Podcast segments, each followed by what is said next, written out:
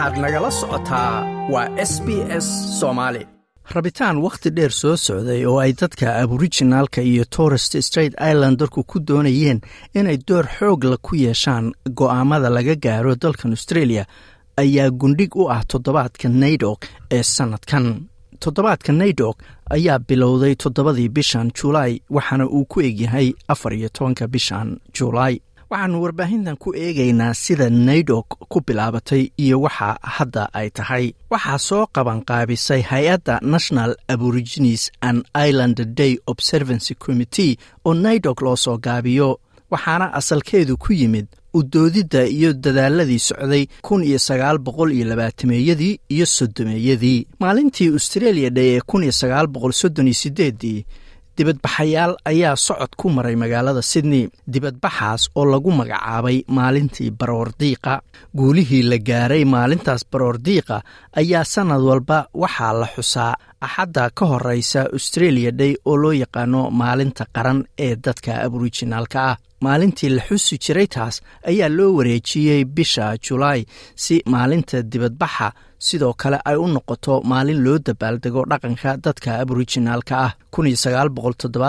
tiina waxaa la go'aansaday in laga dhigo dabaaldegyo soconaya toddobaadka oo dhan oo ka bilowda axadda ugu horeysa ee bisha julaay kuna eg axadda labaad ee isla bishaasi. John paul jenke oo ah la guddoomiyaha guddiga qaran ee naydok ayaa sheegay in raadinta wakhtiga dheer qaadatay ee heshiis lala gala bulshada dalka loogu yimid iyo nidaamka loo yaqaan runka sheeg ay ka turjumayaan halhayska sannadkan oo ah cod run iyo heshiis.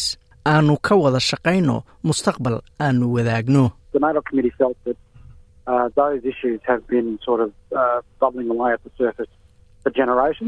guddiga naydok waxay dareemeen in arrimahaas ay ahaayeen kuwo soo jiray wakhti dheer oo aan waxba laga qaban jiilal badan. Dadka aborijinaalku waxay dalbanayeen inay codkooda ka dhiibtaan arrimaha iyaga saameeya ama quseeya. Waxaan dalbanaynay heshiis wakhti dheer waxaan qabnaa in sida ugu fiican ee lagu gaari karo ay tahay in runta la isu sheego.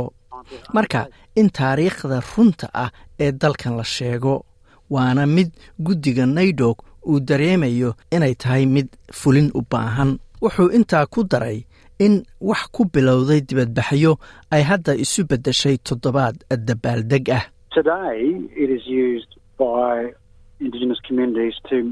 maanta waxay bulshooyinka indigenesku u isticmaalaan inay u dabaaldegaan sida ay u soo badbaadeen iyo sidoo kale inay u dabaaldegaan taariikhda qaniga ah ee ay leeyihiin dhaqamadooda kala duwan iyo sidoo kale inay aqoontooda dadka kale la wadaagaan.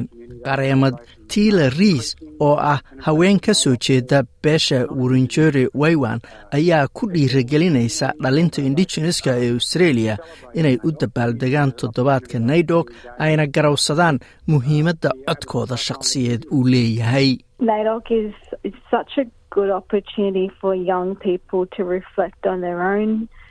naydok fursad fiican ayay u tahay dhallinyarada inay dib u milicsadaan safarkii qoyskooda ama reerkooda iyo taariikhdii iska caabinta. Sidoo kalena ay aqbalaan caqabadaha iyo howlaha horyaalla ayna fahmaan in inkasta oo ay dhallinyaro yihiin codku muhiim ayuu u leeyahay. Aysanna ka baqin aysanna ka cabsan howlahaasi horyaalla muujiyaanna geesinimo oo ay xaqooda u istaagaan waddankooda u istaagaan ayna hubiyaan meel kasta oo ay joogaan in codkoodu uu lagama maarmaan u yahay wadahadalka socda. Xafladda ugu muhiimsan ee la qabto inta lagu jira toddobaadka naydok waa xafladda abaalmarinta.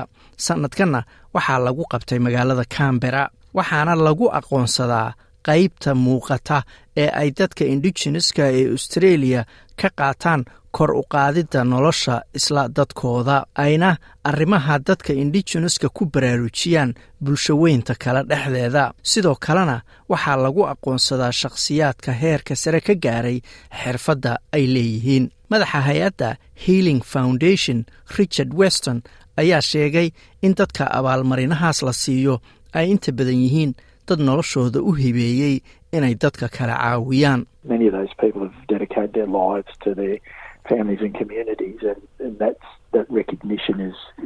Qaar badan oo ka mida dadkaas waa dad noloshooda u hibeeyey reerkooda iyo bulshadooda. Garawsigooduna waa muhiim. Waa xaflad midaysa dadka aborijinaalka iyo torest islandarka dalka oo dhan. Waa fursad isku xirta dadka oo ay u dabaaldegaan waxaana hubaa in shacabka australia ee kale ay wax ka faa'iidi karaan haddii ay arkaan. Healing foundation ayaa ka shaqaysa taageerada dadka indigeneska ee australia inay ka soo kabsadaan dhaawacyadii iyo dhibaatooyinkii ay soo mareen iyaga oo kaashanaya isla bulshooyinkaas si loo helo xal ay kaga bogsadaan dhibaatooyinkaasi soo maray. Hay'addan ayaa soo jirtay muddo toban sano ah waxayna caawisay afartan iyo shan kun oo qof oo toddoba kun oo ka mida ay yihiin xubno ka tirsanaa jiilkii loo bixiyey jiilkii laxaday ama stolen generation. Richard weston ayaa sheegay in nidaamka loo yaqaan runsheeg uu hami muhiima u yahay bulshada indigeneska ee dalkan australia. Wuxuu intaa ku daray in nidaamku uu u shaqeeyo qaab si rasmiya iyo mid rasmi aan ahaynba qaybna ka ah in runta laga sheego sida australia ay ula dhaqantay dadka indigeneska ah wuxuuna arkaa inay tahay fursad kor loogu qaado daruufaha ay hadda ku nool yihiin dadka dalka loogu yimid.